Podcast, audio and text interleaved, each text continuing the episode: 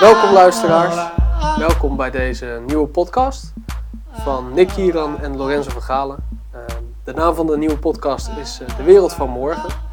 Uh, maar waar, voordat we gaan vertellen waar de podcast over gaat, gaan we ons even snel uh, introduceren. Even kijken wie wij zijn. Voor dus, wie ons nog niet kent. Nee, precies.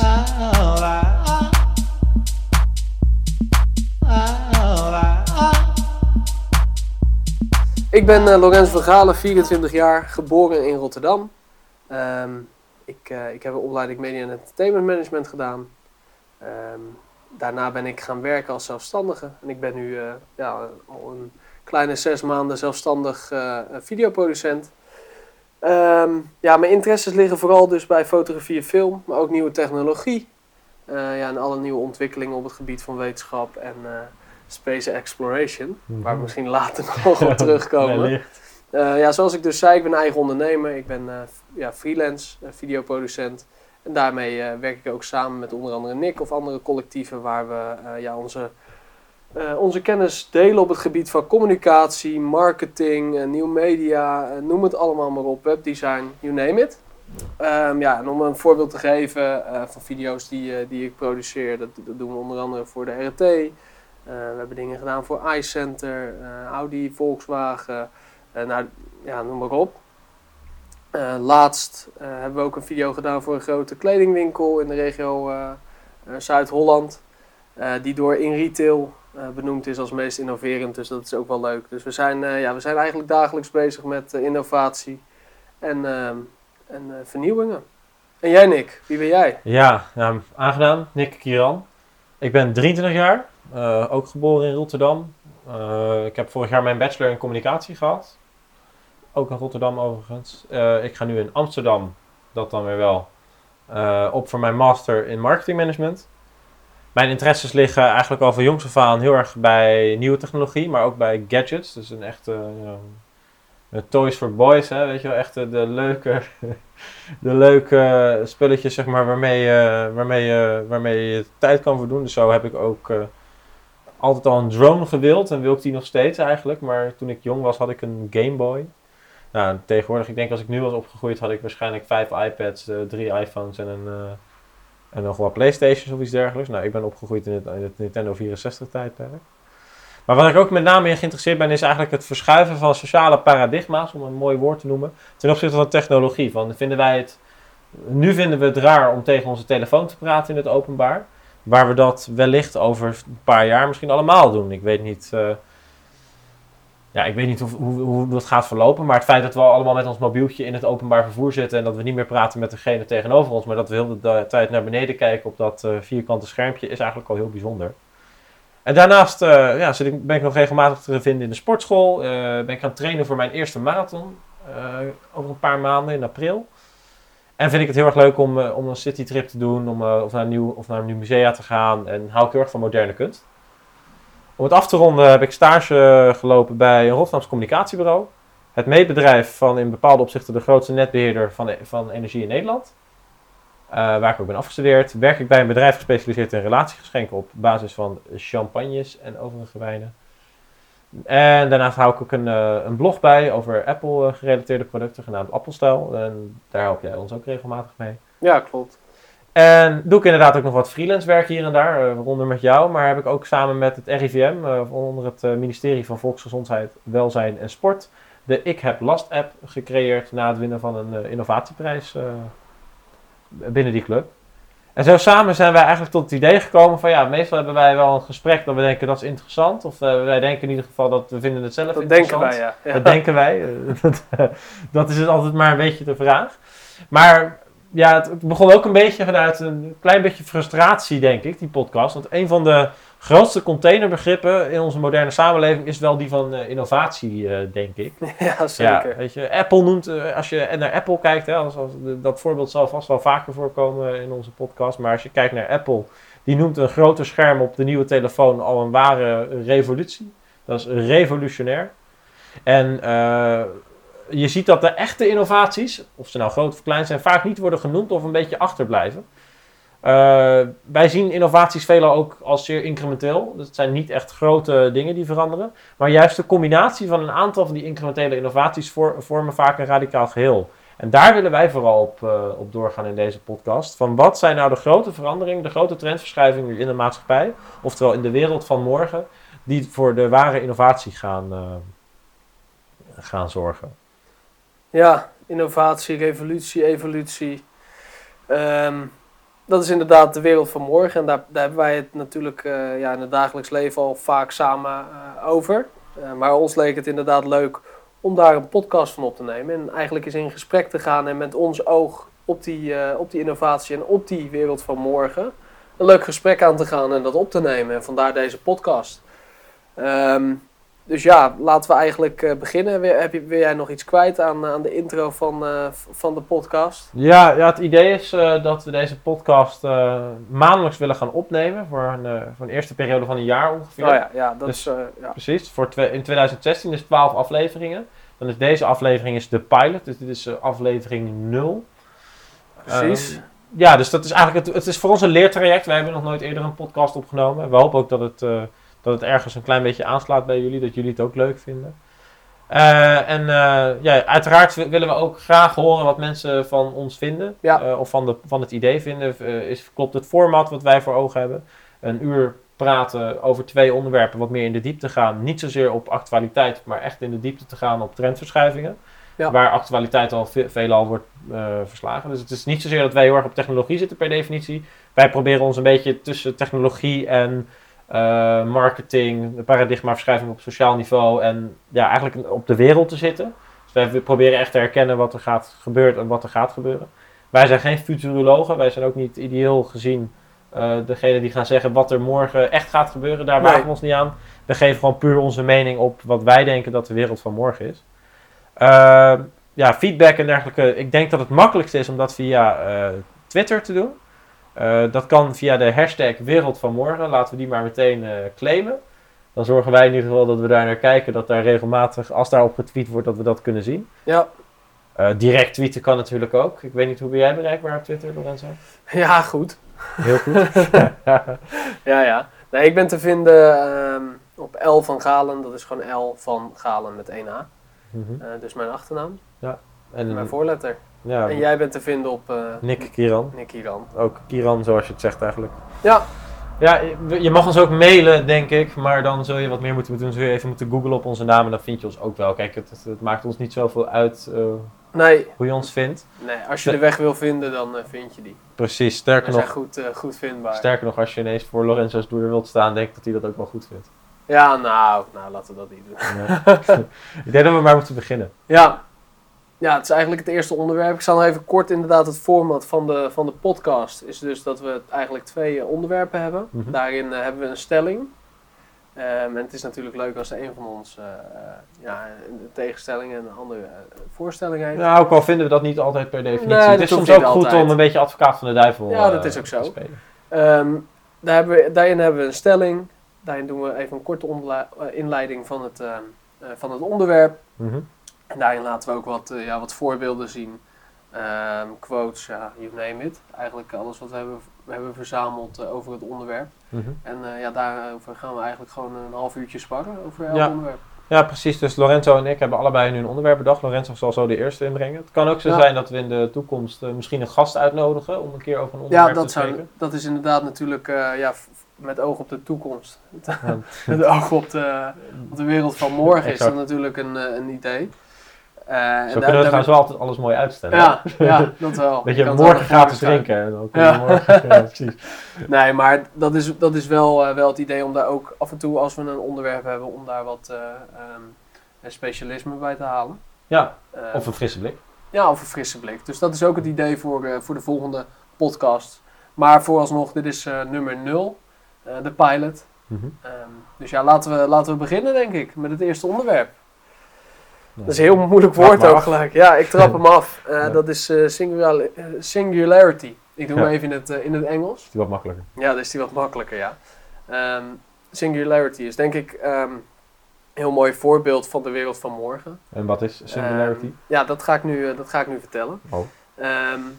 Singularity is eigenlijk het idee dat de computer bewust wordt dat hij een computer is. Dus dat wil zeggen dat een computer dusdanig eh, slim wordt, artificial intelligence heeft, Mhm. dat hij bewust wordt dat hij een computer is. Nou, daar kunnen natuurlijk allerlei doemscenario's aan verbonden worden. Eh, een computer kan denken, nou, een mens is niet meer nodig, dus die ga ik vernietigen. Of, Mhm. of eh, het kan ook zo zijn dat wij mensen een computer niet meer snappen, omdat onze hersenen niet meer de capaciteit hebben om die computer te kunnen snappen. Exact. Dat wat, heeft daar ook mee te maken. Wat eh, op bepaalde niveaus ook vrij snel te bereiken is. Ik Ja. bedoel, wij gebruiken niet voor niets een calculator, maar even de meest simpele Nee, precies. computer, eh, Ja, we komen straks ook op wat, wat voorbeelden ehm, ja, wa- waarin, dat, eh, waarin dat geldt. Nou, dat is eigenlijk eh, Singularity. En ehm, in Singularity eh, hebben we eigenlijk een aantal voorbeelden. Het eerste voorbeeld is... Moeten we ehm, niet eerst de stelling? eh? Ja, ja, Oh, nee, de- ja. inderdaad, de stelling is goed. Ehm, nou, de stelling die we, die we hebben is eigenlijk... Singularity is een grotere bedreiging voor het uitsterven van de mensheid. Of het veranderen van de mensheid, zoals we die vandaag de dag kennen. Dan een kernoorlog, of door wat voor oorlog dan ook. Dat is redelijk actueel. Ehm, dus door een kernoorlog of wat voor oorlog dan ook. Dat is eigenlijk de stelling. En we, we kennen natuurlijk alle, alle films en doemscenario's, alle science fiction films, zoals iRobot en, eh, en eh, Terminator, nou noem het maar op, Mhm. die de mensheid eh, willen vernietigen. Nou is dat, kan dat een einde van de mensheid zijn, maar je kan het einde van de mensheid ook op een andere manier zien. Ehm, om een kort voorbeeld te geven, we hebben nu Albertijns, hè, wat, wat, wat, eh, waar eigenlijk geen mensen meer werken. Dus je kan daar, eh, je kan daar afrekenen Ja, zonder precies. Je dat... kan eh, met een, met een apparaatje, Precies. kan je, of met je iPhone zelf, Kijk, de, ja, kun je zonder met iemand te praten, zou jij bij wijze van Ja. spreken zo door die winkel kunnen de lopen. producten die erin staan, de producten die daarheen heen moeten, die moeten allemaal nog gebracht worden door mensen. De vakken Mhm. moeten gevuld worden door mensen, noem maar op, tuurlijk. Maar dit zijn wel een van de eerste stappen, Precies. dat de mens niet meer nodig is, maar een computer de taak van de Mhm. mens over kan nemen. Exact, dit zijn dus die incrementele stappen. Ja, En zou je er daar genoeg van hebben, dan heb je dus een radicaal verschil. Want Ja. Dan heb je de volledig, even om een doemscenario in beeld te brengen, dan zou je de Albert Heijn hebben die geleid wordt door robots. Of precies. door computers, ik het Precies. zeggen. Dus dat, dat is even een, eh, een voorbeeld wat heel dichtbij is. Maar ik wil even beginnen bij het begin, want waar komt Singularity eigenlijk vandaan? Ehm Werner Vinge is een, eh, is een eh, schrijver, een science fiction schrijver. Hij begon eigenlijk eh, begin jaren 80 informatie te verzamelen over ehm, ja, Singularity, wat het inhield. Ehm, hij heeft pas in de jaren 90, begin jaren 90, ik meen 93, een artikel geschreven over Singularity Mhm. en de technologie in het tijdschrift Omni. Ehm, en dit is eigenlijk opgepakt door, door heel veel mensen destijds. Dus sindsdien is eigenlijk de term singularity ja, Hot geworden. hot geworden, Ja. bekend geworden. Mensen zijn erover na gaan denken, noem maar op. Mhm. Ehm, Zeker ja. de laatste twee jaar toch? Veel films. ja, ja, laatst, ja, je hebt eh, de Transcendent Man. Imagine a machine with a full range of human emotion.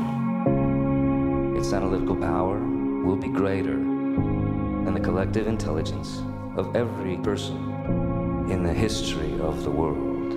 Some scientists refer to this as the singularity. Professor? I call it transcendence. Maar waar ik straks Ja. nog even op terugkom. Eh transcendence is eigenlijk een, eh, een term wat gelinkt is aan singularity. Maar daar kom ik straks nog even op terug. Inderdaad, sindsdien zijn er, eh, zijn er veel films en boeken op geïnspireerd. Maar ook serieuze scenario's. Eh, zo hebben we Ray Kurzweil, ehm, die eh, ook een documentaire heeft die de Transcendent Man heet. En Ray Kurzweil ehm, ja, heeft een hele hoop dingen gedaan, waaronder voor Google gewerkt, eh, waar hij nog steeds eh, een aantal dingen voor doet. Eh, maar Ray Kurzweil heeft na het eh, artikel gelezen te hebben van Omni, dus van de, van de schrijver eh, Werner Vinge in het begin jaren 90, is hij een boek gaan schrijven. Wat ehm, in 2010, meen ik, eh, uitgekomen is. En dat gaat dus over het exponentieel groeien van, ehm, van eh, de technologie. Mhm. Nou, dat is ook wel weer eh, verbonden aan een, eh, aan een wet. En dat is de Mhm. wet van Moore. Dat was eh, Gordon Moore die dat heeft, heeft bedacht. Dat was, Oprichter Intel geloof ik. Ja, oprichter van, van Intel. Mhm. eh, medeoprichter. Mhm. En hij voorspelde al begin jaren 70 dat de technologie elke twee jaar zou verdubbelen. Ja, hij zei volgens mij dat het aantal transistoren op een vierkante nou ja, eh, Mhm. een bepaalde hoeveelheid, zeg maar een vi- vi- vierkante centimeter, Ja. iedere twee jaar zou verdubbelen. Waardoor je dus ook dubbele rekenkracht zou hebben. Ja. Want Intel maakt eh, computerprocessoren. Ja. voor je telefoon. Wat dan ook. Ja, dat klopt. maken zij, ja. Ja, dat, dat, dat voorspelde hij toen. Hij had er natuurlijk toen goed zicht op. En we mo- ik moet zeggen dat ehm, de technologie nu redelijk aan het afzwakken is. Want Maar het heeft wel tot nu toe volgens mij, het heeft volgens mij Het- 40 het jaar heeft- of zo is het opgegaan. ja, het heeft, ja, klopt. Het heeft, eh, het, het heeft geklopt, laat ik het zo zeggen. En dus zelfs, tot nog, nu. zelfs nog extremere voorbeelden dat het niet verdubbeld was, maar vervijfvoud. Klopt. Alleen we lopen nu gewoon tegen bepaalde eh, limitaties aan. Mhm. Dat we gewoon niet kunnen groeien. En zouden de limitaties er niet zijn, dan zou je wel door kunnen groeien. Ehm, en dus die de verdubbeling steeds kunnen, kunnen halen. Maar ik wil even terug, eh, teruggaan Mhm. Precies, naar Ray even niet, Kurzweil. eh, technisch. eh, Nee, precies. Even Ray Kurzweil terugpakken. Hij heeft ja, in, ik meen 2010 een boek geschreven. Ehm, die gaat over, ehm, over singularity en Mhm. transcendence. En daarin zegt hij eigenlijk, en doet hij een voorspelling, dat in 2042 mhm. De singularity plaats zal vinden. Dus dat is, dat, het lijkt heel ver, ver van je bedshow. Mhm. Maar dat is 30, 35 jaar. Dat, dat schat hij. Dat is zijn voorspelling in dat boek. Mhm. En ehm, ja, wat, hij, wat hij daarin zegt is dat wij op dat moment eh, een computer bewust wordt dat hij een computer is. Of dat wij niet meer de capaciteit hebben om de computer te begrijpen. Mhm. Dat is, dat is dat punt. Nou, dan is de stelling, wordt dit een probleem voor, voor de mensheid? Hè? Mhm. Want we, ja, we- kijk, een oorlog ligt om de hoek. Een kernoorlog nou, is denk ik ook eh, ja, redelijk eh, voor de hand liggend. Hè? Ja, Met het is, alle- laat ik met zo alle- zeggen, de wereld is redelijk gespannen op dit moment. Precies. En ehm, ja, een oorlog in wat voor vorm dan ook. We zijn natuurlijk al in oorlog. Mhm. Maar dit, dit is denk ik een, een, een, ja, een ander groot probleem. Waardoor we, eh, waardoor we over zouden genomen kunnen worden door een computer of een computer niet meer kunnen begrijpen. Mhm. En op het moment dat wij, dat wij eh, taken hebben die nu een mens doet, zoals we het afrekenen bij een Albertijn, als die vervangen worden door computers en langzamerhand steeds meer dingen vervangen worden door computers, Mhm. maar de mensheid, hè, de, de populatie op de wereld groeit nog wel. Zelfrijndood, hè? Ja, ja precies. ja. Wat, ja, wat gaan wij doen met al die mensen? En ik denk dat dat een begin kan zijn Mhm. van een bepaald probleem. Want we zitten, we zitten met, met een totaal overschot van, van mensen die straks niet meer nodig zijn om een auto in elkaar te zetten. eh, om een taxi te rijden, inderdaad, Mhm. zelfrijdende auto's. Ook straks even een bruggetje naar het volgende onderwerp. Mhm. Ehm, ja, zelf Om af te afrekenen, rekenen, afrekenen bij een eh, Albertijn. fulfillment van orders, hè? grote webshops. Precies. Geen Accountant. verkopers nodig. Geen eh, verkopers meer nodig. Eh, er zijn winkels, eh, nou, een heel, hele grote keten die, die rood is. Dan weet je wel welke ik bedoel. Ja, De Mediamarkt die heeft nu in, in Rotterdam Centrum een robot staan. Waaraan je dingen kan vragen van waar ligt dit of waar ligt dat. Trusty of zo? Trusty, ja. Ja, ja, ja. Precies, van het gelijknamige Rotterdamse bedrijf, Trust. Ja, precies. Kijk, dat zijn allemaal... Natuurlijk, het zijn wel ontwikkelingen in de kinderschoenen. Maar ik denk dat dit in de komende 20, 30, 40 jaar steeds meer eh, een probleem gaat vormen. Mhm. Want wat gaan we doen met die groep mensen die straks zonder werk komen te zitten Ja. of die geen werk meer kunnen vervullen? Ja, wat, wat ik denk, om antwoord te geven op die stelling, Ja, eh, is eh, ik, ga lekker de, ik ga lekker de kant op waar dat ik het positief opvat. ja, gewoon om, om, om een discussie aan te wakkeren eigenlijk. En dat is dat.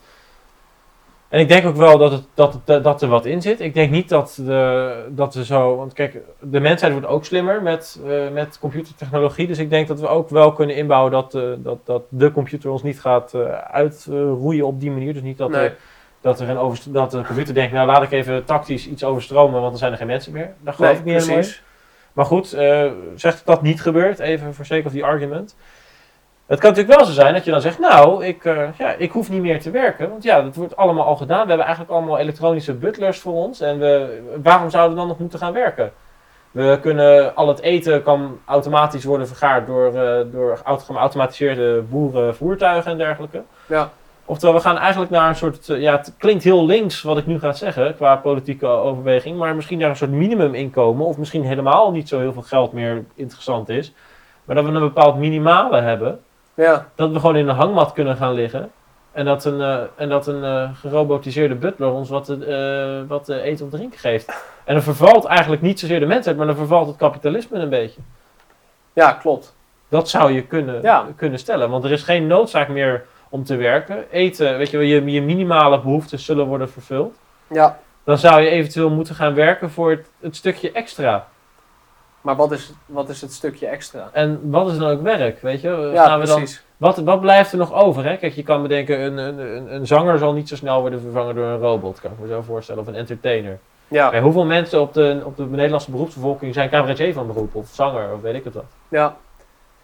Ja, die zijn, dat, weet je, die minimaal. groep, die groep is heel klein. Ja, precies. Dus die groep die overblijft, is de, de probleemgroep in dit Ja. verhaal. Kijk, als je nu gaat kijken naar wat een probleem zou kunnen vormen, hè, dus, Mhm. dus eh, het probleem waar we het over hebben. Als je gaat kijken wat voor banen dat zijn, ik denk dat dat wel het gros van de banen is die, Ja. die vervangen zou kunnen worden. Ja, Kijk, jij noemt een cabaretier of een muzikant of een, eh, nou, you name it, een artiest, eh, een kunstenaar. Kijk, dat zijn beroepen, als je die, iets maakt, weet je, dat, dat, dat zou niet zo snel overgenomen kunnen worden door een computer. Mhm. Maar noem een accountant, ja, of, ja de, de- ik moet wel zeggen, de boekhoudende accountant. Dan een boekhoudende accountant, Ja, heeft alleen nog nu een controlerende Ja, mens nodig. Hè? Want de computer doet alles, Mhm. maar een mens moet het nog steeds controleren. Maar wat als dat straks ook niet meer nodig is Precies. en een computer de computer controleert? Ik noem maar wat. Ja. Ja, als Kijk- je kijkt naar die, als je, als je hem breder pakt en je zegt van, eh, eh, je kijkt puur naar de, hoe zeg je dat? Als je hem wat beter pakt en je pakt, kijkt puur naar de markt, Ja, dan kan je zeggen, deze club, deze boekhoudclub, om maar een, eh, een willekeurig bedrijf te noemen, ja, die heeft een probleem. Die moeten een nieuwe markt gaan betreden, om, eigenlijk om, om, om hun inkomstenstroom te blijven eh, voorzien. En dat is heel lastig natuurlijk. Als jij, eh, stel jij bent, om het even een heel simpel eh, andere optie te geven, stel je bent stratenmaker van beroep, of jouw bedrijf is een stratenmaker. Ja, dan, dan kan je wel ineens gaan zeggen van ja, u moet eh, gaan boekhouden, maar dat is natuurlijk een enorme overstap. ja, Dus dat is heel lastig. ja En dan, eh, dat klopt. ook voor, voor een club als een boekhouder. Ik bedoel, dat is, dus je kan niet zeggen, oh, eh, in de financiën is niet heel veel meer te doen, dus we gaan maar eh, ons specialiseren in, in, in, in, het, in het recht bijvoorbeeld. Dat, dat is heel lastig. Ja, Je kan niet mensen zomaar omscholen. nee. Dat gaat niet. Dus ik denk dat dat echt een heel groot probleem gaat vormen. Mhm. En ik weet dat er heel veel partijen ook mee bezig zijn. Ehm, want natuurlijk, we kunnen, we kunnen heel kortzichtig gaan kijken van wat zou voor ons direct een probleem kunnen zijn. Dat kan een meteoriet zijn die inslaat en, Mhm. een, en een geweldige eh, eh, ramp eh, veroorzaakt met tuna- tsunamis en, en vulkaanuitbarstingen, op. Natuurramp, zeg maar, om zo maar te noemen. Dat is heel unlikely. Ehm, ik denk dat dit een van de, een van de ehm, ja, oorzaken zou kunnen zijn, of, of ja, gevolgen van, van het exponentieel groeien van technologie. Mhm. Dat het uiteindelijk gaat zorgen voor het afbrokkelen aan, de, aan, de huidige, aan het huidige systeem. Hè? Hoe, hoe, wij, hoe wij werken, hoe wij ons tijd verdoen, hoe wij geld verdienen, eh, noem het Mhm. maar op. Ja, Want ja, en nu is de tegenprestatie van geld is werk. ja, Vaak. Eh, in, in veel gevallen. Dus wat je ziet is dat als werk wegvalt, waar komt dan je geld dan nog vandaan? dat ook. Dat, Dat is, ook. dat, dat is denk ik de grote vraag. Kijk, st- stel hè, dat we wel een modus kunnen vinden waarbij een soort minimuminkomen, dat je wel geld hebt, of in ieder geval bestedingsruimte hebt, dan ga je, dan ga je van consument, zeg maar, van werkende consument, ga je naar alleen maar consumerende consument. Ja, Dus dan het, het consumentisme wordt dan ook weer veel groter. Dus weet je, dan gaat dan iedereen alleen nog maar golven of eh, dingen doen die ze leuk vinden. Ja, als ik niet op de. Ik kan, ik kan ook wel dingen bedenken. Als ik niet aan het werk ben, kan ik ook andere dingen bedenken die ik wel wil doen. En ik denk dat dit een enorme clash gaat vormen. Dit gaat niet op een jaar gebeuren. Hè. Het is niet zo dat als er straks. eh, wat was het jaartal 2042 of zo? twee- 2045. Ja. Oh, nee, ja. Als het 2045 is en als dat zo gebeurt, zelfs dan is het niet van de een op de andere. Het is niet dat het 1 januari 2045 is dat we ineens allemaal Nee, stoppen nee, met zeker werken. niet. Kijk, zo is- moet je het ook niet zien. Maar het is een voorspelling. Ja, nee, maar al zou die voorspelling uitkomen, zelfs dan is dat niet zozeer Nee, nee, die, die uitkomst. Precies. Ik denk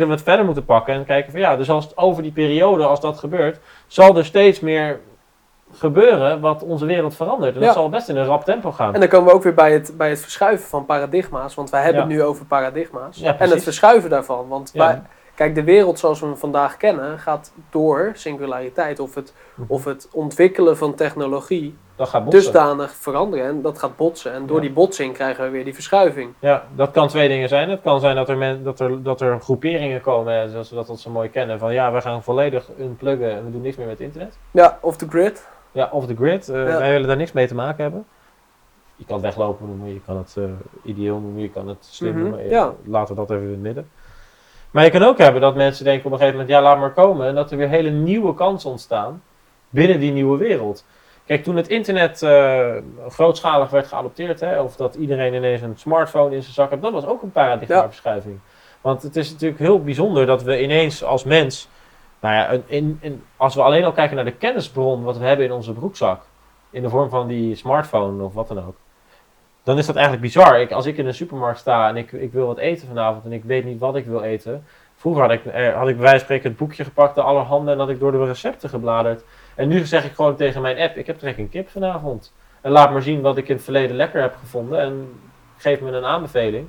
En zelfs aan de hand van de bonusaanbiedingen van die week zou je nog kunnen Ja. stellen van... Kijk, dat zijn mooie, eh, dat zijn eerste stappen waarbij intelligentie van een Ja, systeem door datasets, waar datasets worden gekoppeld en een nieuw, ja, een stukje nieuwe data gevormd kan worden in de vorm van een bepaald recept of weet ik het wat.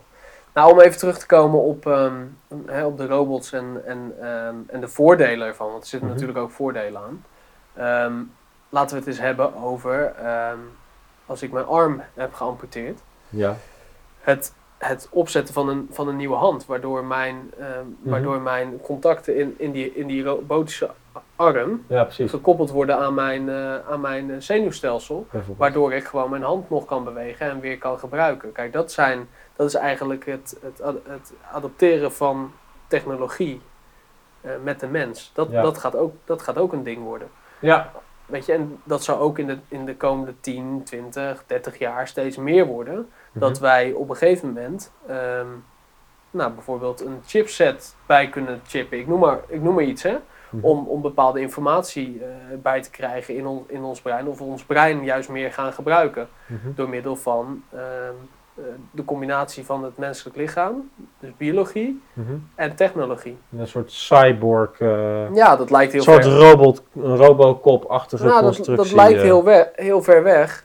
Alleen, kijk, op een gegeven moment, als, als de technologie dusdanig blijft groeien, dus dat die, dat die elke twee jaar verdubbelt, en misschien Mhm. gaat dat straks alleen nog maar sneller, dan moeten wij ook nog de capaciteit hebben om die technologie nog ehm, te begrijpen. Want dat, dat is nog een tweede. Hè? Mhm. Kijk, de technologie kan wel groeien, maar misschien. Hebben wij geen toepassing meer. Nee, precies, hebben wij geen toepassingen meer. En groeit Ja. die dusdanig snel dat wij als mens niet meer kunnen behappen wat die technologie kan doen. Ja. En dat kan ook heel beangstigend zijn. Ja, ik denk als je hem heel simpel pakt, dat je, kijk, wij, wij het samen kunnen niet bevatten, denk ik, van hoeveel we kunnen met technologie. En er zijn altijd wel eh, hoeken van de wereld waarin ze het nodig hebben. Ik kan me voorstellen als jij eh, grootschalige berekeningen moet doen, is elke stap vooruit in tijd is een enorme, weet je wel, in bepaalde onderzoeken.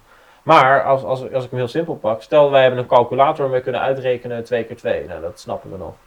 Nou, op een gegeven moment kunnen we ook, eh, weet ik het, 2 tot de macht kunnen we uitrekenen. Dat kunnen we ook nog redelijk behappen. Maar op een gegeven moment kom je op dusdanig gecompliceerde eh, eh, ja, berekeningen. Waarbij jij en ik al denken van ja, dat is voor ons al niet meer nodig. En dat zie je ook in andere vormen van technologie nu. Bijvoorbeeld een, een iPhone wordt steeds sneller, hè, dat is dan heel concreet. Of, maar in principe de mogelijkheden worden niet heel veel groter. Want ik denk ook niet dat de mens daar klaar voor is. Want wat doe je nou effectief met die technologie? Eigenlijk heel weinig. Eh, Ja. de- Nee, zeker als we nu gaan kijken wat, hoe, de technologie afgelopen jaar, hè, de toegepaste Mhm. technologie die wij gebruiken in het dagelijks leven, veranderd is. Je, je zei het aan het begin al, Apple noemt een grote scherm Een ehm, revolutie. een revolutie. Maar het is een evolutie, want weet je, de, de, het is geen. De, ja, hij wordt, niks aan het product, gezegd. nee, maar ook niks aan de gebruikservaring en niks aan eh, de manier waarop wij naar dat product kijken. Nee. Dus Net zoals dat je een nieuwe Ferrari koopt. Die gaat hoogstens wat sneller, maar... ja, precies. Ja. Die rijdt wat sneller en hij eh, doet het wat lekkerder in de bocht. Ja, dat, ja. dat, dat is, een, dat is een, een, een nieuwe generatie, maar het is niet iets nieuws. Nee, precies. Snap je? En dat is, de, en dat is zeg maar ook, ik denk als we, als we, dat hoor je vaak ook als kritiek, hè, dat bedrijven niet meer innoveren. Maar dan denk ik ook altijd bij mezelf van, ja, maar wat wil je dan? Wil je dan iedere, wat is het, twee jaar een ontwikkeling zien die gewoon jaren van incrementele innovatie nodig heeft gehad om zover te komen. Die smartphone is geen toeval geweest, weet je, daar geloof ik niet in. Ik, dat is gewoon een evolutie van op een gegeven moment werden computers dus, kon je zoveel eh, transistoren, om het even in Moore's law te, te houden, Mhm. op, op een bepaalde, eh, op een bepaalde oppervlakte Ja, krijgen. Op de grootte Waardoor van, het ineens in een broekzakformaat ja, op de ging. grootte van een, eh, van een pakje sigaretten, ik noem maar wat. Precies, en op een gegeven moment zie je dan andere innovaties ook opkomen. Hè? Mobiel internet kwam ineens, we hebben ineens 4G internet hier. Nou, ik weet niet hoe het met jou zit, maar als mijn telefoon terugschakelt naar 3G, denk ik, nou ja, laat maar. Terwijl, hoe lang, we hebben pas anderhalf jaar geleden kwam het eerste landelijk dekkende 4G-netwerk. En we zijn nu al zo gewend. Laat ik nog sterker zeggen, ik kreeg twee dagen geleden van Tele2 het bericht dat ze eh, 4G gingen, gingen uitrollen. ja, een Dus eigen we- netwerk, ja. Ja, precies, het hun eigen netwerk dus. En ik heb Tele2, dus ik zit, ik zit letterlijk twee dagen op, op 4G. Oh, Eh, ja, op die manier. oh, oh, welkom. Ja. dus voor mij gaat er ook een, een wereld open. Maar eh, ja, ik, ik, als ik, als ik eh, even terugkom op de stelling van eh, singulariteit, dus het, dus het groeien van technologie en ook het behapbare voor de mens, ehm, het behapbare technologie voor de mens. Ik denk dat dat een grotere, zeker een grotere bedreiging gaat vormen dan wat voor oorlog dan ook. Ja. Ik, denk dat, ik denk dat wij op dit moment, natuurlijk zijn er mensen mee bezig en groepen en ehm, om, om dit op te gaan vangen en om, hier, eh, om dit in een vorm te gieten. Dan de Van- bedreiging omzet in de kant. ja, precies. En natuurlijk gaat het ook allemaal kansen, kansen creëren. Maar het is wel die verschuiving Mhm. van. ehm, ja, ik, ik denk ook dat we precies op de, op, een beetje op de scheidingslijn zitten van de verschuiving op dit moment. Heb ik het idee. Ik dat vind die dat- kleine stapjes er nu heel erg ja, precies. komen. Omdat die kleine stapjes beginnen. En ja, we zien de laatste, als we terugkijken naar 2007, toen de eerste iPhone kwam. Mhm. En tot nu is er natuurlijk niet bijster veel veranderd. Het apparaat, apparaat is sneller, Hoogstens is het landschap vergroot. Het landschap is vergroot, Ja. maar we hebben, het grote publiek heeft wel die smartphone Ja. geadopteerd. Ehm, maar dat zijn allemaal hele kleine incrementele eh, stapjes. Mhm. En ik denk dat in de komende 10, 20, 30 jaar, dus hè, even kijkend naar die 2045 die, eh die Kurzweil eh, Mhm. Ehm, Ja, dat zijn natuurlijk stappen waarbij de computer ook met het jaar slimmer gaat worden. Ja, precies. En kijken we wat de afgelopen 10, 20, 30 jaar is, is gebeurd. En nu is er natuurlijk wel onwijs veel gebeurd. Ja, want als je, als je heel simpel, eh, wat is het? Eh, mijn 30 jaar geleden geen internet. Nee. Nie- niemand had bijna een televisie of een, eh, een computertoestel op zijn, Nee. op zijn bureau staan thuis. Dus 30 jaar geleden waren wij gewoon, het enige wat we nog deden, wa- wa- het enige wat we deden was radio luisteren en televisie kijken. Ja. Waar nu eh, er huisgezinnen ontstaan zonder televisietoestel. Iedereen zit gewoon met zijn eigen scherm naar zijn content te kijken. Al dan niet via Netflix, YouTube of weet ik het wat. Klopt. Maar dat zijn natuurlijk, ja, zonder daar dieper op in te gaan, omdat dan zouden we heel erg afwijken. Maar dat zijn natuurlijk wel enorme verschillen. Waarbij ik ook denk van ja, over, nou, ja, om even die 2045 aan te houden. Ik denk dat, eh, kijk, de stelling was, is het een grotere bedreiging voor de uitsterving van de mensheid? Ik wil hem toch iets positiever zien. Ik denk niet dat het een, dat het, dat het gaat, dat, Nou, dat verandering van de verandering is, dat, dat, sowieso. bewust, bewust, bewustzijn ook van de mens, denk ik. Het ja, ik denk dat... het bewustzijn van, van de wereld zoals we hem vandaag eh, kennen, Mhm. gaat denk ik in de komende 10, 20 jaar echt, echt drastisch, eh drastisch Maar is dat niet inherent ook aan, aan, aan, aan vordering van tijd? Kijk, nu noemen wij dan één voorbeeld, maar de wereld van nu en die van tien jaar geleden is ook heel anders. Door eh, dingen die gebeuren in de Nee, wereld. maar dan kijken, we alleen even, dan kijken we alleen even naar dit onderwerp. hè. Ja, maar als je Dus dat het- erbij optelt, ik denk dat die optelsom heel groot is. Kijk, we hebben natuurlijk de industriële revolutie gehad op een gegeven moment. En dat kostte heel veel ambacht, ook gewoon werk. Weet je wel? De, de, kijk, waar vind je nou nog een edelsmid bijvoorbeeld? Ik zeg maar wat. eh, Ja, ja, weinig, weet je. Dat, Ja. dat zijn niches eh, geworden. Dus die zijn al een beetje weg. Nou, niemand zegt, ja, dat is jammer. Weet je, we vinden het allemaal wel lekker eigenlijk dat we, de, dat we een auto kunnen kopen voor 30.000 euro, niet voor 300.000 euro, omdat die van de lopende band afkomt. En ik denk dat we, we hadden een tijdje geleden, kwam de 3D-printer kwam heel erg in een soort, soort hype terecht. En dan hadden we het allemaal over van, nou, we hebben de industriële revolutie en we zitten nu weer in een dergelijke revolutie. Want we kunnen ineens alles zelf maken. Nou, dat bleek toch nog een beetje tegen te vallen. 3D-printer is toch niet helemaal, eh, waarvan ik zelf nog steeds denk van, nou, binnen nu en 10 jaar geloof ik best wel dat daar heel wat mee kan gebeuren. Maar ik denk dat, dat singulariteit wel een bepaalde revolutie kan zijn, weer in dat straatje. Ik denk dat dat wel een, enorm, een enorme wijziging is voor, voor wij als mensheid. En dat gekoppeld dan aan andere verschuivingen. Ja, kijk, je hebt, als we gaan kijken naar paradigmaverschuivingen, even kort, heb je natuurlijk eh, kleine verschuivingen. Ehm, zoals een, eh, een Uber die ehm, Uber Pop eh, aan heeft geboden, want het is er nu niet meer in Nederland, maar Uber Nee, Pop heeft van de week. Uber biedt Uber Pop aan, waardoor er een verschuiving komt in, het, in de taxiwereld. Hè, van Ja, hoe gaan we, hoe gaan we daarmee micro om? Ja, precies. Dat is heel klein. Dat is echt, dat, dat is echt, daar kan je echt eh, wijzen naar een groep. Ja, precies. Maar ga je kijken naar dit, naar de verschuiving van, van, eh, van de wereld zoals we hem vandaag kennen, dan gaan we echt kijken naar onze hele wereld. En ik denk dat singulariteit een ontzettend grote verschuiving gaat veroorzaken in, ehm, ja, in, het, in het paradigma zoals we, hem, zoals we hem vandaag de dag kennen. Ja, buiten kijf, denk ik. Ja, Eh, dat, eh, ja, zullen we hem met, daarbij afsluiten? ik denk dat we hem daarbij kunnen afsluiten. Want dan gaan we ja, Ja, wat- door naar het volgende onderwerp. Ja, maar wat mij ook leuk lijkt is als mensen daar hier ook een mening over hebben en zeggen van, nou, ik geloof juist dat het een hele andere kant Ja. op gaat, dat ze dat ook, eh, ook via Twitter gewoon kunnen melden. Of, Ja, precies. En ik heb ook nog wel, eh, wel twee of drie tips. Want eh Kurzweil, Ray Kurzweil is echt een hele interessant man. Hij heeft een, eh, een documentaire waarin hij eh, dit eigenlijk allemaal vertelt. Eh, en meer. Eh, die heet eh, The Transcendent Man. Mhm. Ja, makkelijk te vinden. Uit 2010 of zo is die ook Ja, eh, de docu. recent. Ja, redelijk recent. En eh, er zijn laatst natuurlijk ook wat films eh, gemaakt. Denk aan Lucy. Ik weet niet of je die gezien hebt met ehm, ehm, Scarlett Johansson. Waarin, waarin zij ook centraal staat en waarin zij meer procenten van haar brein gaat gebruiken. En wat dat, Oh, die. Sorry. Ja. Ja, ik zit Wat- met de andere film van Scarlett Johansson. Ja, niet- ja. Maar oké, ja. wat, wat dat voor, wat dat voor ehm, invloed heeft op de wereld om haar heen, zoals die vandaag de dag is. Dus dat geeft dat heel erg leuk weer. Ehm, en gelijknamige film eh, The Transcendent Man eh, is met Johnny Depp. De Transcendence heet die volgens Of mij. The Transcendence, ja. ja, ja, ja. Transcendence.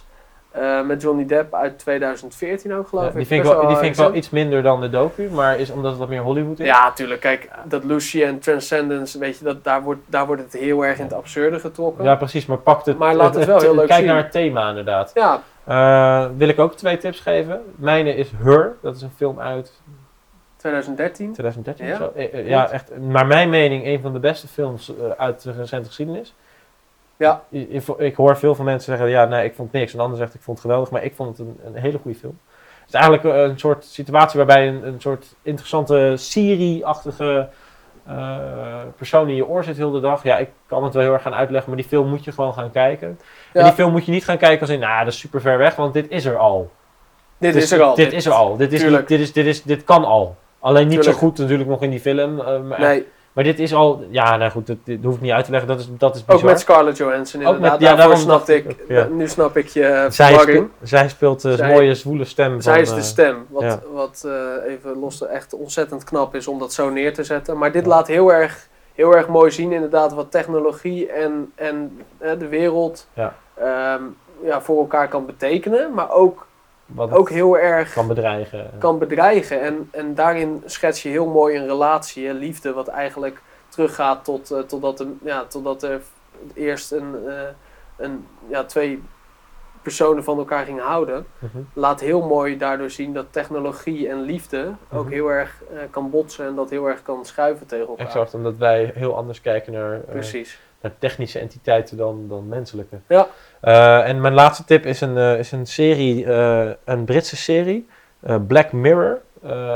Ja, ik, ik kan, ik, het, is Oh, heel moeilijk om, niet. het is heel moeilijk om het uit te leggen, want hoe heet het, hoe heet de beste man ook weer? Arjen Lubach zei, ik weet, wist niet of ik moest huilen of dat ik moest lachen aan het einde.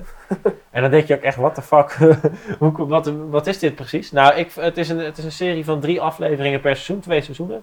Aflevering duurt volgens mij drie kwartier. En ze hebben geen samenhang met elkaar, er zit geen correlatie tussen de afleveringen, maar allemaal hebben een bepaald thema dat er iets gebeurt. Eh, aan de hand van, ja, redelijk, eigenlijk van die, van die verschuivingen waar wij het over hebben, dat schetsen zij dan. En nou ja, ik, ik kan wel heel erg gaan uitleggen van, ik, ik ben bang dat ik het spoil, zeg maar, voor mensen. Ja, ja. Maar de eerste aflevering gaat over de, de minister-president van, eh, van, van Engeland. En die, eh, nou, ik, ik wil niet te veel spoilen, maar die, de, de, de grote prinses, wordt, de, prinses van Engeland wordt eh, ontvoerd. En ze willen haar bevrijden, dat lukt niet. En de enige manier om haar te bevrijden is, is dat hij seks heeft met een varken op nationale televisie. Oké, Voor een uur lang of zo. oké. En eh, ja, ik, als ik, ik ik hier- vertel nu eigenlijk, ik, ik doe eigenlijk totaal geen Ja. eer aan die serie, Nee, maar als, ik kijken. hier, als ik hier de beschrijving lees op IMDb, dan Ja. staat er a television uh, anthology series that shows the dark side of life and technology. Ja, ik, ik had het zelf eh, Ja, varkens eh, Precies. op. Ja, maar dit, ik, ik ken hem niet hoor, maar eh, ja, goede tip. Ik, Goed, eh, ik zie dat hij een 8,8 heeft op IMDb. Ja, ik zou hem zeker ook zoiets geven. He- hele goede. Als je, als je Ja. het interessant vindt waar wij het over hebben, moet je dat zien. Ja. Nee, super. Dan gaan we door denk ik naar, eh, naar het volgende onderwerp. Ja, dan jij rijden we met een, met een, met een... Daar rijden we met een- met dan een- rijden we met een met rotgang... eh, Bloedgang rijden we daar naartoe, ja, precies. maar wel elektrisch, toch? Ja, exact. Elektrische mobiliteit, daar wil ik het over hebben. Ik, eh, nou, ik, zoals ik al zei in de introductie, ik ben afgestudeerd bij een eh, netbeheerder van energie. Dus ik heb heel veel te maken gehad met eh, hoe we tegen de energie aankijken. En ik, wat ik heel erg interessant vind, is eigenlijk de verschuiving die Tesla veroorzaakt met hun elektrische auto. Want de auto is toch nog steeds, zeker in Nederland, toch wel een beetje de- het belangrijkste vervoersmiddel eh, wat we allemaal eh, heel erg koesteren. En de stelling is ook dat Niet we... alleen in Nederland, denk ik. Nee, zeker niet. Nee, nee, nee. Maar als we het echt even over Nederland hebben. Ik denk Ja. dat, dat sowieso voor heel de westerse wereld dat de auto het meest belangrijk is. Ja, En daarmee, eh, ja, daarna de, het vliegtuig, de fiets en misschien de trein. Maar ik bedoel, de auto is wel, ja, dat wordt wel heel erg gekoesterd. Misschien wel door heel de wereld praktisch.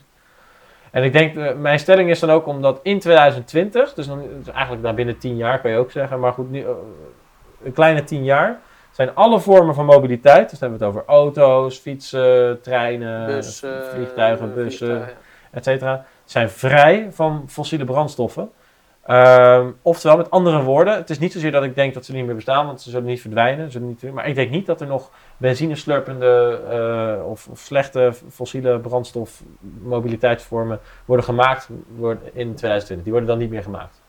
Oftewel, in 2020, als jij naar de dealer loopt, kun je kiezen uit elektrisch en elektrisch. Of waterstof, Ja. weet ik het wat. Maar in ieder geval geen fossiele stelling. brandstof. eh, Nee. meer. Dat is de stelling. Niet dat, de, niet dat ze er niet meer rijden. Precies. Maar dat we ze niet meer kunnen kopen. Precies. En eigenlijk, dan is, wil ik hem eigenlijk inleiden met de vraag van ja, wanneer zijn we eigenlijk gaan accepteren dat luchtvervuiling, dus dat, dat veroorzaakt hè, de fossiele auto onder Mhm. andere, mag leiden tot een kortere levensverwachting. Eh, Milieudefensie, de stichting, eh, heeft samen met het RIVM heeft, heeft uitgerekend dat de levensverwachting anderhalf jaar lager ligt. Anderhalf jaar is echt veel. Ja, dat is veel, ja. Lager ligt in stedelijke gebieden binnen Nederland. Oftewel, woon jij in Rotterdam of woon jij in Lutjebroek, scheelt je anderhalf jaar leven. Dus ik, ik- toen ik dit las, dacht ik echt, oké, dit is wel echt een, serieuze, eh, een serieus onderwerp. En heel veel mensen die zijn er altijd een beetje van, ja, ja, het zal wel, en eh, niemand zit aan mijn auto. Net zoals dat in Nederland, er mag geen vlees meer eten, dat is ook allemaal boos. Ja, Eh, maar dat wisten we eigenlijk al. Want, maar als het zo wordt uitgesproken, dan is het toch altijd weer schrikken. En dan zeggen we van ja, maar goed, milieuvervuiling op grote schaal. Weet je, door de industrie kan makkelijker tegengegaan worden. Want dan heb je in één keer een grote vis. En dat kan vast ook wel kloppen. Maar een van de grootste problemen die ook heel snel merkbaar zijn in de stad. Die ook, die ook gewoon voelt als een voelbaar milieu, om het zo maar te zeggen. Dat zijn uitlaatgassen van al die auto's, vrachtwagens, et cetera. En het is ook niet voor niets dat, eh, dat we in, eh, in Rotterdam en in Utrecht volgens mij ook steeds meer eh, ja, auto's gaan weren om... ja als, je een, als je een diesel hebt van, van 15, jaar, ou- 15 jaar oud, zoiets. Ja, zoiets. Ja. Bepaalde diesels die mogen niet meer in de binnenstad komen. Ja. En dan kan je zeggen eh, dat dat, ja, dat, dat eh, oneerlijk is. Of, maar ik denk dat dat een hele goede beslissing is. En een hele goede stap in de juiste richting Wel door, gemeentes. Hele, ja, hele radicale, hele ra- radicale, zeker. Alleen, ik denk dat we steeds meer, steeds meer naar deze stappen toe gaan, gaan werken. ja. Ik denk ook straks, hè, dat hebben we natuurlijk al toen de eerste elektrische auto's kwamen. eh, kreeg je heel veel belastingvoordelen. Die zitten er Mhm. nog steeds aan. Wel wat minder inmiddels. hè? Wel wat minder inmiddels, maar ehm, ze zitten er nog steeds aan. Zo is zo'n, ehm, ik weet zo'n hele, hele bekende elektrische auto, die is 0% bijtelling. Die, wordt, die zie je echt overal. Volgens mij is dat de Nissan. De Leaf. Ja, de Leaf, ja. Ja, ja, de BMW i3 natuurlijk al. Ja, oké, maar dat zijn Maar goed, je dan... noemt ze allemaal op, ja. je, je, je ziet ze alleen maar. En, en weet je, dat zijn hele mooie initiatieven van, van de overheid en van, van gemeentes om dit eh, in de hand te werken. Ja. ja, je ziet ook dat, eh, eh, dat de markt er ook eigenlijk alleen maar aan meewerkt, lijkt het wel. We kennen natuurlijk Ja. allemaal het Volkswagen-schandaal. Van, eh, Nou, het is wel grappig dat je dat zegt, dat de markt eraan meewerkt. Maar dit is natuurlijk ook een, ja, een redelijk groot, ehm, eh, grote verschuiving hè, weer in, in, het, in het paradigma. wij, wij Nou ja, vooral, vooral, in de, vooral in economische belangen ook. Ja, zeker. Maar even op, op, op de gebruiker van de auto zittende, dus jij en ik, eh, die, die een auto hebben voor de deur en die daar al weet ik veel hoeveel jaar mee rijden. En zo zijn er natuurlijk nog legio andere mensen die dat, eh, die dat hebben. Ehm, ik denk de markt adopteert het heel erg. Maar ik heb het idee dat de mensen die nu auto rijden, dus die, die, die nog geen eh, elektrisch rijden, dat niet, nog niet heel erg eh, accepteren of adopteren. Nee, jij ziet ook dat elektrische auto's worden nog niet heel erg veel verkocht, moet ik zeggen. Nee, ik, ik heb Die- het idee dat, dat die goedkope auto's, die nu 0% bijtelling zijn, dat die niet gekocht worden met het oogpunt van hé, hey, ik ben goed bezig. Maar nee, hij is goedkoop en dan krijgt hij belastingvoordelen. Dat Ja, idee heb ik. Ja, dat, dat- ja, ik weet niet of dat zo is. Wat ik wel denk is dat met zo'n In de Volkswagen meeste schandaal... gevallen hoor. Ja, dat in zo'n Volkswagen-schandaal denk ik dat heel veel mensen ehm, nu denken van ja, ik, ik, de vervuiling is best wel bizar. Hè? We zagen de analogie al. Hè? Van, oh, doordat Volkswagen heeft gelogen en we hebben zoveel mensen op, eh, of zoveel zijn er verkocht. Dat betekent dat er 200 mensen zijn doodgegaan hierdoor in Amerika. Wordt werd dan snel die, eh, of weet ik veel hoeveel. Zulke vergelijkingen werden gedaan. Maar ik denk dat, kijk, het is niet zozeer luchtkwaliteit, laten we niet te veel daarin vervallen. Maar ik denk dat, dat milieu wel heel belangrijk kan gaan worden. En ik denk dat mensen die elektrische auto rijden ook steeds meer ehm, voor dat eh, elektrische rijden kiezen. Niet alleen vanwege de voordelen of nadelen die het wel of niet biedt, maar ook vanwege de milieu-eisen die er gesteld kunnen worden. Kijk, de volgende stap is natuurlijk ook gewoon dat ze in Rotterdam zeggen: oké, nou ja, diesels van 15 jaar geleden mogen niet meer. De volgende stap is eh benzineauto's van 15 jaar geleden. De stap daarna is misschien wel op een gegeven moment benzineauto's van twee jaar geleden. Kijk, dat gaat heel snel, hè, dat soort stappen. Het eerste schaap is over de dam, zoals ze dat zo mooi zeggen. Eh, en ik denk dat juist het elektrisch auto willen rijden, of het, of het schoon willen rijden, of, dat, of op een elektrische fiets, hè, in plaats van op, die, eh, op, op je Vespa of op een elektrische scooter, zie je ook steeds meer, eh, meer komen. Ik denk dat er steeds meer initiatieven komen die ook weer kijken naar, naar ons milieu. Ik denk dat dat, dat is, in, is ook hot topic. Hè. We, we zien het ook allemaal, organisch eten en we willen biologisch zijn, et cetera. Maar waarom zouden, we, waarom zouden we heel veel moeite doen om heel gezond te eten, als we aan de andere kant, als we naar buiten lopen, dat, we onze, levens, dat onze levensverwachting ineens anderhalf jaar Ja. naar beneden gaat? Nee, maar dat is denk ik ook een stukje bewustzijn wat nog moet, eh, moet gaan gebeuren bij, bij de mensen. Ja, bij, Ehm, het- bij, bij, ja, gewoon, eh, ja, als we het even over de, de gemiddelde autorijdende Nederlander hebben, hè, Mhm. bij die mensen. Dat bewustzijn, dat moet nog komen. Ik denk dat, het, ik denk dat dat bewustzijn eh, er nog niet is. Nee. Ik denk dat die auto's op dit moment eh, veelal gereden worden. Ehm, dat ze goedkoop zijn. En tuurlijk, ze zijn elektrisch. Maar omdat je elektrisch rijdt, of deels elektrisch, eh, scheelt dat ook in brandstof. Ja. Dus ik denk dat het... Dat het een nog- financieel argument. ja, precies. Het is financieel interessant. Zeker als je hem zakelijk rijdt. Ja, dan is die volgens mij een van de meest interessante auto's, zeker in Ja, ze, ja tuurlijk. eh, noem, ja, noem een Tesla, noem, het, eh, ja, noem, noem ze maar. Ja. Alleen ehm, ja, gaan we kijken naar, naar ehm, veranderingen in, dat, in het bewustzijn. Ik denk dat dat nog heel erg lang gaat duren. En ik vind het wel heel mooi dat door deze initiatieven eh, de overheid en gemeentes de consument, hè, de gemiddelde Nederlander, wel in een hoek duwt Mhm. om een stap te gaan maken en, Ja. en een bewuster te maken. Ik moet wel zeggen, je ziet dat ook die wijzigingen met, eh met eh, bijtelling en dergelijke zijn een beetje tegenstrijdig. Soms gaan ze ineens van de ene kant naar de andere kant. En er zal ook heel veel machtsverschuivingen in zitten. Want zo'n Mm. Shell zal ook wel een flinke lepel in de pap hebben. Eh voor kunnen stil, hoe zeg je dat? Maar Ja. goed, eh, ja, Lepel in de pap. nou goed, maakt niet uit. Maar ehm, eh, je ziet dat dat soort dingen, ja, dat, dat, dat wordt ook gewoon tegengehouden. Maar wat ik een van de mooie voorbeelden van was hier in Rotterdam, was eh eh, Rotterdamse kunstenaar, eh, of in Rotterdam gestationeerde kunstenaar Daan Roosgaarde. Die heeft afgelopen maand, geloof ik, of wat was het, in, eh, ergens eind, Ja, ja, zo- ja. eind- eindzomer, Ja, eh, maand. eh, heeft hij gezegd van ja, we kunnen de oplossing kunnen, kan ik niet maken. Ik ben een kunstenaar, ik ben geen eh, milieudeskundige. Dus wat hij heeft gemaakt is een soort enorme stofzuiger. En die stofzuiger zuigt vieze lucht op en blaast dan weer schone lucht uit. Of dan heb je een soort bubbel van schone lucht. Dus als je die in een park plaatst, dan, heb je, dus dan, is de, is dat, dan ga je naar dat park toe vanwege de schone lucht. Ja. Misschien een beetje een hippie gedachte voor sommigen. Eh, daar heb ik een geluidsfragmentje voor. So one day I wake up and I became fascinated with pollution. Um, so I have a new project which I would love to share with you the Smog Free Park, Smog Free Project. The technology is actually uh, sort of borrowed from indoor air purifying technology which is used in hospitals, but we are just upscaling it and building the largest electronic vacuum cleaner in the world. And I think so the smoke-free tower, the smoke-free park, the bubble of clean air creates a place where NGOs, concerned citizens, makers like you and me can meet, can work. Ehm, maar de vraag is, de vraag is als we dit nu horen, hè, zo van, eh, van Daan, is dit de oplossing? Nou, kijk, dit is, weet je, Daan doet hele mooie dingen. En hij, wat je zegt, hij is een kunstenaar. Dit zijn Hij geen noemt zichzelf ook innovator, hè? Ja, innovator, kunstenaar, maar is, eh, zijn bijna niet alle kunstenaars innovator. Ja, in ieder geval aanjagers. Maar in ieder geval, Daan die heeft eh, hele mooie ideeën en hele mooie eh, idealen. Alleen ik denk dat, dat zijn ideeën niet heel praktisch zijn. Kijk, dit is, dit is een tijdelijke oplossing. Tuurlijk kan ik voor eh, frisse lucht naar het park gaan. Maar ik kan ook een stukje verder rijden en ergens in de Alpen frisse lucht gaan halen waar geen fijnstof is. Precies. Alleen ik moet iets verder rijden. Ja, ja, ja. Maar het is wel zo. Dit zijn tijdelijke oplossingen. En ik zie dit meer als een, als een kunstwerk dan, eh, dan een oplossing. Maar het is wel een, een mooie stap in de juiste richting. Voor de bewustwording denk ik Voor wel. de bewustwording absoluut. Eh, voor, die, voor, hè, voor die gemiddelde Nederlander eh, moet die bewustwording en moet dat kwartje gaan vallen. Mhm. Die bewustwording moet komen. Ja, Als ik bewust ben van, want dat is, dat is het ook met, met de luchtkwaliteit, met zo'n, met zo'n die inleiding die je net had. Van als je in het centrum woont van, ik zeg in Rotterdam Mhm. of in Amsterdam, dan leef ik anderhalf jaar minder dan ja wanneer ik op het, gebied pla- woont, ja. ja, op het platteland woon. Nou, natuurlijk is dat heel zwart-wit, Mhm. maar weet je, dat soort, dat soort artikelen, dat valt altijd wel bij de mensen. Mhm. Alleen we hebben dan altijd zoiets van, ja, maar ik ga niet inleveren op een auto of ik wil, weet je, ik wil daar geen concessies voor doen.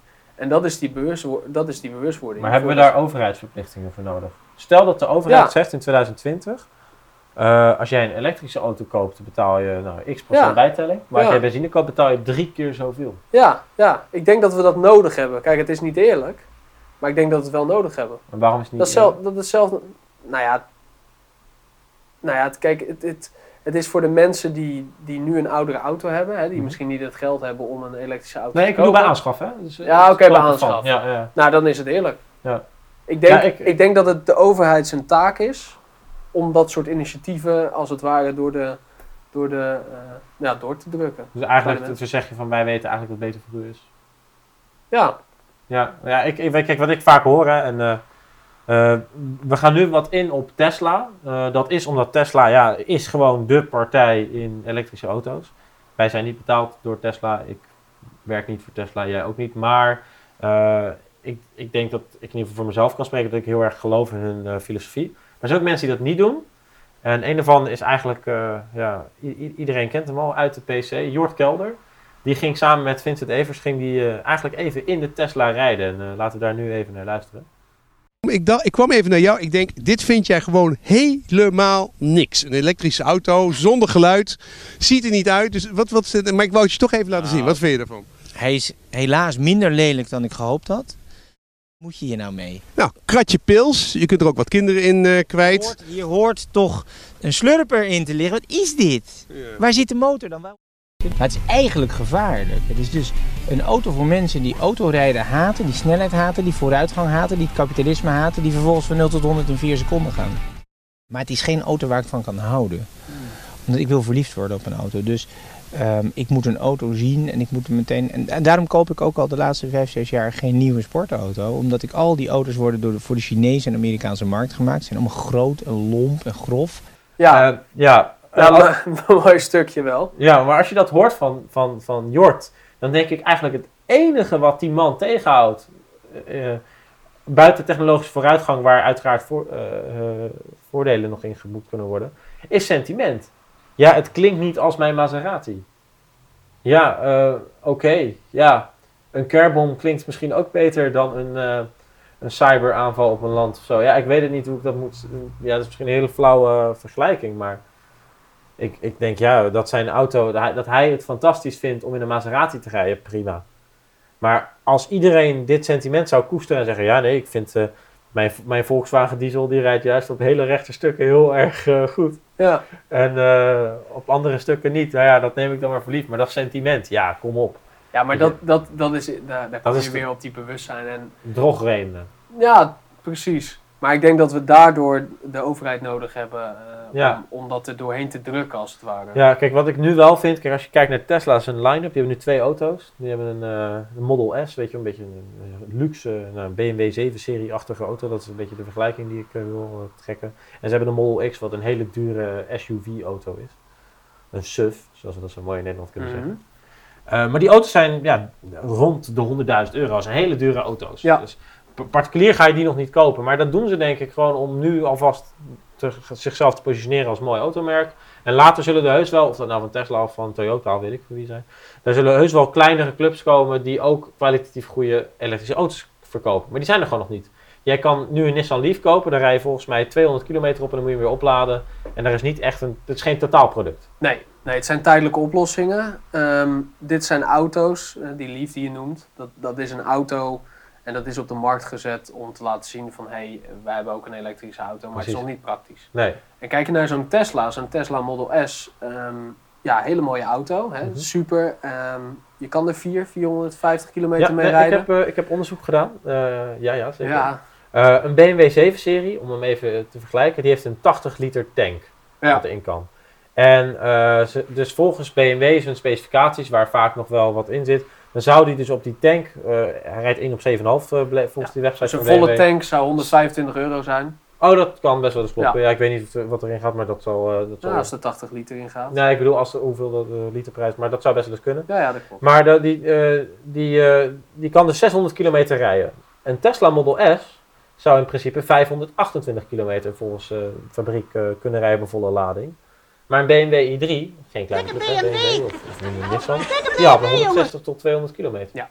Dus eigenlijk de, de, de, de innovatie ligt bij, of de, de kwaliteit Ja. ligt bij Tesla nog steeds. Natuurlijk zijn, zijn die auto's zoals zo'n i3 en zo'n Leaf zijn wel in de markt gezet als ehm, stadsauto. Hè? Ja, dus dit zijn de tuurlijk. ideale auto's om Mhm. korte afstanden te rijden Eh, ja, eh, voor een oud vrouwtje. Om het zo maar even te zeggen. Nou, nee, nee, nee, dat vind ik niet aardig Nou, wat je zegt. nee, ik, maar vind, ik, zei- Hij is i3 van een oud, oud vrouwtje geweest, tussen aanhalingstekens. Jij zou ook met een i3 al overweg kunnen. Ja, Met zeker. jouw woon-werkverkeer. Ja, zeker. Kijk, als ik kijk hoe ik mijn auto gebruik. Ja, ik rij naar kantoor en ik rij eigenlijk naar huis en ik rij eh, naar klanten. Ja. En dat zijn, niet, dat zijn niet de afstanden die een Zeker vertegenwoordiger, nee, die een vertegenwoordiger aflegt die bijvoorbeeld 200, 300 kilometer per dag doet. Ja. Zo- Zo'n rijder ben ik niet. Nee, maar heel veel mensen nemen altijd dat voorbeeld, dat merk altijd als je over elektrische auto rijdt, praat, zeggen ze allemaal, ja, nou, ja, er is een vertegenwoordiger, je moet heel de dag in de auto zitten. Dan denk ik, ja, hoeveel mensen zijn ook weer vertegenwoordiger? Ja. Het gros van de mensen, die rijdt gewoon naar hun werk en weer terug. En dat zijn afstanden van maximaal 100 kilometer vaak. Dan ga je dichterbij wonen, vaak. Hè. Vaak, hè. Ik ik wil niet... Nee, nee, nee, ja, het- in het algemeen inderdaad. Dus je hebt een, een actieradius van plus minus 200 kilometer. Zou het minimale kunnen zijn Ja. voor heel veel mensen. Maar hier, hier sla je wel weer de spijker op, op, op z'n kop. Voor de toekomst, hè, waar de toekomst in ligt, is, is batterijen. Ja. We hebben grotere batterijen nodig om langere afstanden te kunnen rijden. Mhm. En ook eh, het opladen van zo'n batterij. Nou, zo'n opladen, hoe lang du- duurt het opladen van een Tesla batterij? Nou, ik denk als jij zo'n zo'n supercharge? Nou, daar- dat, dat is wel, daar wil ik zeg maar op ingaan. Dat, ik noemde net het woord totaalproduct. Hè, want wa- wanneer ben je een totaalproduct? Kijk, als jij een elektrische auto koopt van een willekeurig merk, dus een BMW bijvoorbeeld, dan kan je alleen maar opladen bij die laadpalen die we overal zien. Hè, bij de supermarkt, die je zelf Ja. in de tuin kan zetten, et cetera. En dat duurt echt wel een paar uur, volgens mij acht uur of zo, om dat ding helemaal op te laden. Ik weet niet of dat precies zo is. Het verschilt waarschijnlijk ook per auto, per paal. Maar goed, zeg even voor het gemak dat het zoiets is. Tesla heeft zelf een techniek bedacht en dat is de supercharger. En een supercharger, met een heel mooi woord, dat is een netwerk van opladers, van snelladers, want dat is de andere kant. Hè. Dan hebben we een grotere batterij nodig of een snellere oplader. Weet je, dat is maar net hoe je het wil bekijken. Eh, waarmee, je dus eh, waarmee dus je Tesla in 30 minuten eh, 270 kilometer extra bereik kan geven. Nou, nu denk ik, de- nou best wel oké, want als jij 270 kilometer hebt gereden, je moet daarna 30 kilometer wachten. Dus natuurlijk- op 30, 30 minuten is natuurlijk meer dan als je tankt. Want hoe lang duurt het vol tanken van een auto?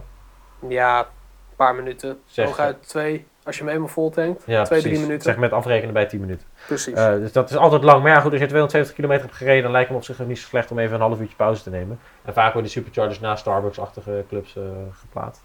Maar die, die superchargers zijn dus gratis.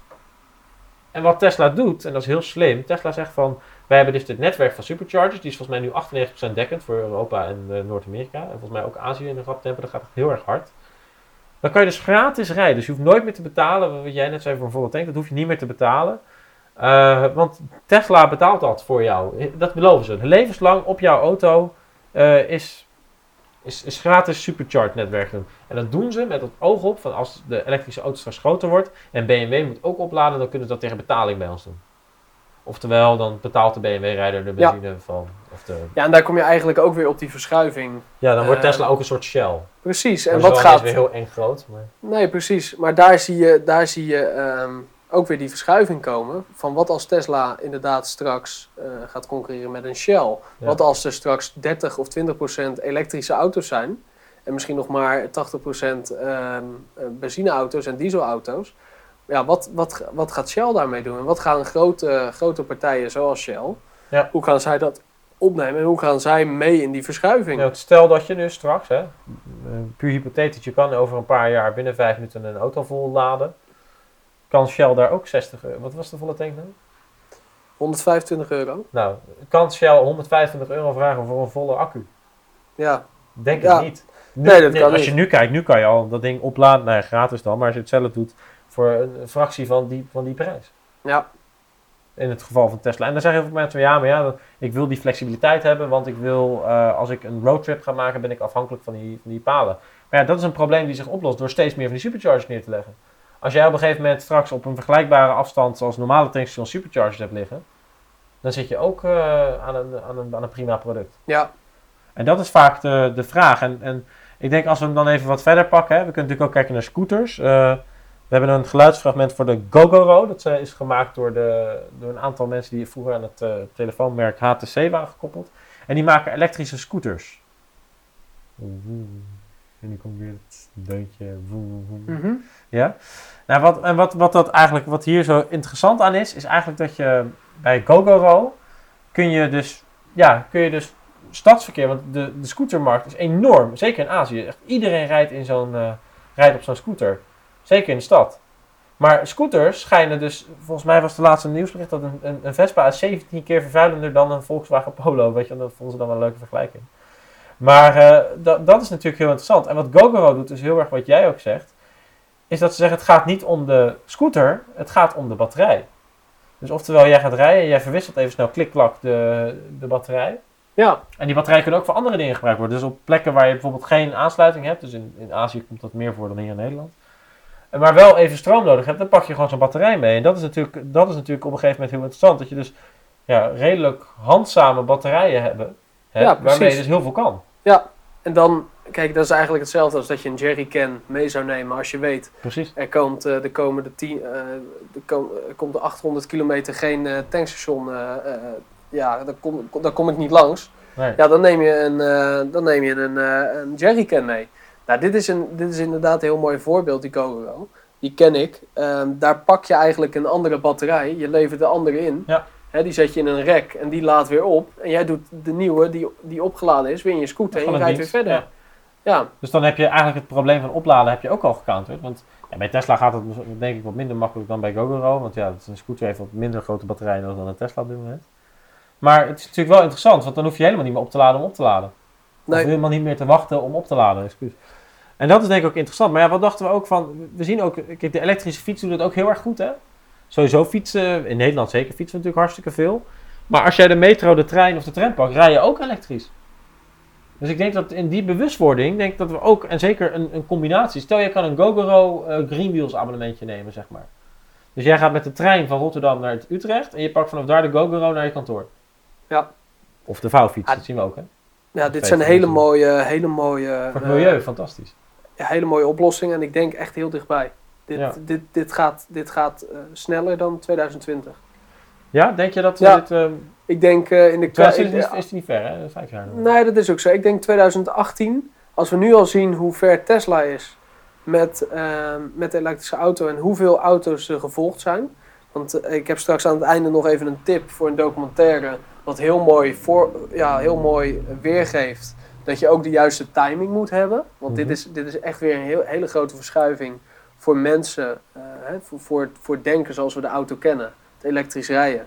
Nou, in de jaren 80 zijn er, al, zijn er al fabrikanten geweest die met een elektrische auto kwamen.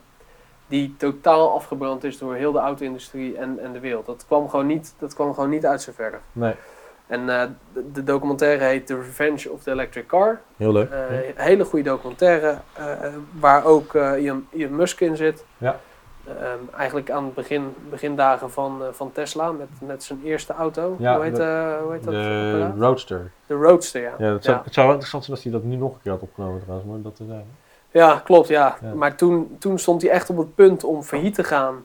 Of, ja, of echt goed te gaan. Hij had echt letterlijk zijn laatste euro van PayPal, wat hij, wat hij daarmee had Dat verdiend bij het verkopen. Ja, van het verkopen daarvan heeft hij in Tesla gestopt. Ja. En nog steeds.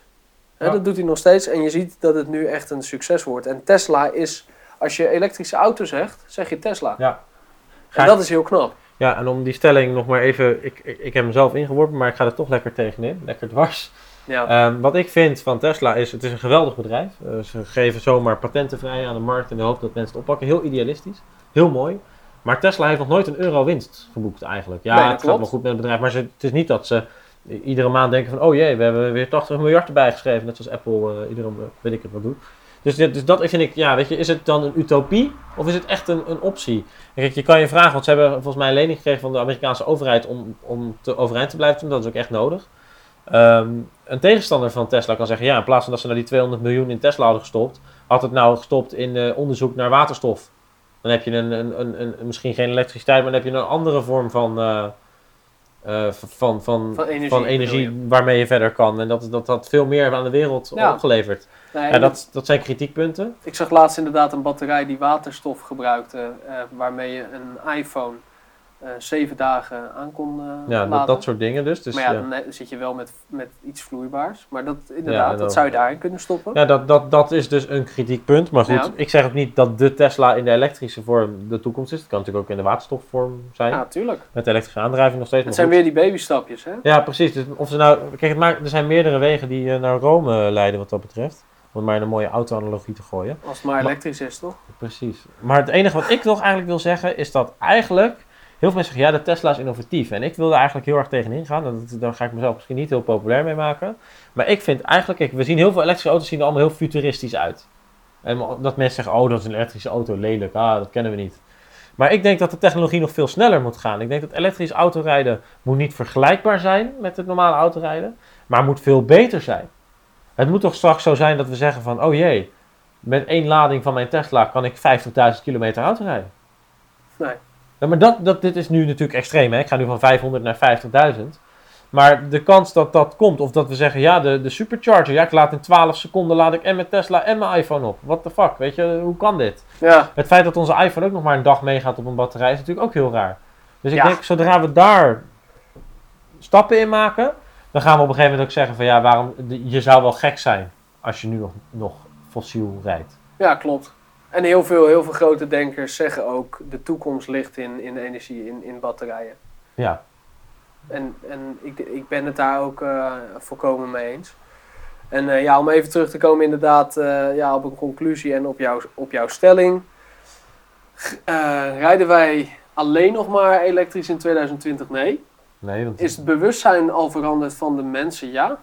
Ehm, maar ik denk dat het elektrisch rijden nog wel een hele lange weg eh, te gaan heeft. Om even mooi te mooi te houden inderdaad. Dus ik denk dat het nog een hele lange weg te gaan heeft. Maar, denk je, stel dat we aan iemand vragen, stel we zouden een groot onderzoek doen en we vragen aan iedereen in 2020, is uw volgende auto elektrisch? Hoeveel procent zeg je? Ja, ik vind dat, ik, ik denk, 50 laten we op 50-50 houden. Mhm. Ik denk dat, ehm, dat er een groep is die wel al bewust is van hé, hey, we moeten ook denken aan de wereld van morgen. Om even op, ja, ja, precies. op onze podcast eh, te Ja, blijven. ide- idealistisch te houden. Precies, we, we moeten denken aan de wereld van morgen. Hè. We krijgen, we, ook onze kinderen moeten straks gewoon van schone lucht kunnen genieten en een, en een goede eh, levenskwaliteit, leefkwaliteit. Ehm, maar ik denk dat er altijd ook een groep is die zegt van eh, nee hoor, nee, eh, ik wacht er nog even mee. Ik, eh, ik vind ja, ik vind of de aanschaf te duur, want je ziet dat vaak elektrische auto's wat duurder zijn dan Ja, in dit aanschaf. geval zeker nog. Ja, Ja, ja Tesla nu- wil wel met een goedkoper. ja, maar nu zeker nog. eh, weet je, en er zijn ook heel weinig tweedehands elektrische auto's. Want Dat ik, denk dat, ik denk dat dat natuurlijk ook gaat veranderen de komende tijd. En ik denk dat het echt nog wel wat langer nodig heeft eh, voordat, we, voordat we echt heel veel elektrische auto's gaan zien. Mhm. Ehm, maar ik denk dat eh, de hulp van de regering en de hulp van, van, ehm, ja, van initiatieven van, van, van gemeentes, dat we, dat we de mensen wel in de juiste richting duwen. Ja. Ja, ik denk wat Tesla heel erg kan helpen, om het even in Tesla te houden. Kijk, Tesla is geen autofabrikant. Is gewoon een technologiebedrijf zoals Apple en Google dat zijn. Ja, zeker. Dus als je kijkt naar autonoom rijden en de zelfrijdende auto. Tesla gaat daar, die hebben nu al, zijn ze al een stuk verder dan de, dan de, gemiddelde, de gemiddelde club eh, zoals Mercedes-Benz en dergelijke. Ja, Ik geloof gewoon meer in de elektrische auto of in de zelfrijdende auto van Tesla dan in de zelfrijdende auto van Mercedes. Dat, Ja. dat- maar, dat ben ik. Ik zeg niet dat het zo is. Misschien dat ze ons heel erg gaan verbazen. Maar ik denk dat die, die gasten staan gewoon al 5-0 voor doordat ze in Silicon Valley zitten. En niet vanuit de beleving zijn geboren van de auto moet een verbrandingsmotor zijn. Maar nee, de auto is een vervoersmiddel en die kunnen we verbeteren. klopt. En ik denk als je dit ehm, onderwerp interessant vindt, kijk de documentaire Revenge of the Electric Car, want dat laat heel erg mooi zien. Eh dan zie je de directeur van General Motors, wat Mhm. echt zo'n eh, Ja, echt zo'n hele vervelende Amerikaan is met een- die een sigaar rookt. ja, ja. En nee hoor, we, we blijven gewoon lekker fossiele Dikke brandstof. man. eh, dikke man, ja precies. Breed pak. En aan de andere kant zie je, zie je innovati- innov- innovatieve mensen die wel die elektrische car toen hebben geadopteerd. Ja, dat geeft echt heel mooi dat, dat, dat contrast aan waar wij het nu ook over hebben. En ik denk dat echt die bewustwording van de mensen moet veranderen. En ik denk dat dat echt tijd nodig heeft. Ik denk dat dat ja, in 2020 nog, nog, nog niet is. Maar ik denk dat het wel, eh, wel de goede kant op gaat. Ja, dat is in ieder geval positief gestemd. Ik denk dat we het hier wel eh, mee kunnen afronden, onze Ja. pilot. Zitten we 10 minuten over de, over de initiële tijd? eh, Ja, nou ja, we hebben natuurlijk ook de intro gehad. Dus ja, Ja, ik denk dat het een mooie, ja, mooie, mooie lengte zo is. En Ja. ik denk dat het ook, eh, ja, ook, ook twee leuke onderwerpen waren. Ik denk dat, Ja. dat we echt de- eigenlijk de, ja, de wereld van morgen hebben, hebben besproken. Mhm. En, eh, en ook leuke stellingen hadden. Nou, mochten jullie eh, vragen hebben, opmerkingen, noem het maar op. Ehm, ja, vind ons, Lorenzo van Galen, Nick Kieran. Ook al google je ons, ja, er zijn, weet je, overal staat onze informatie. We zijn makkelijk te vinden. Mhm. En ja, bedankt voor het luisteren. En, ehm, Ja, tot volgend jaar wordt het dan, hè? Want deze is december, volgende zal januari zijn. ja, januari. Ja. Ja. met eh, twee volgende onderwerpen. Exact. Nou, Lorenzo bedankt. Nick, bedankt. En eh, tot snel weer. Tot snel. Hoi hoi. Hoi.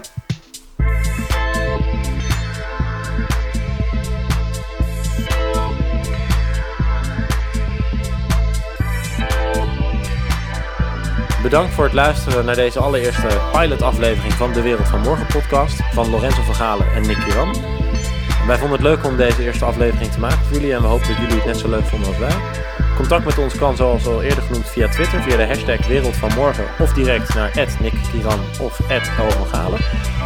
Muziek bedankt naar Moby gratis voor het gebruiken ervan en waar je nog even van kan genieten. En dan zien we jullie weer of horen jullie ons weer op 1 januari, stipt. En eh, iedere eerste van de maand voor het hele jaar 2016. Voor nu alvast een gelukkig nieuwjaar. Klinkt wellicht een beetje raar, maar tot snel.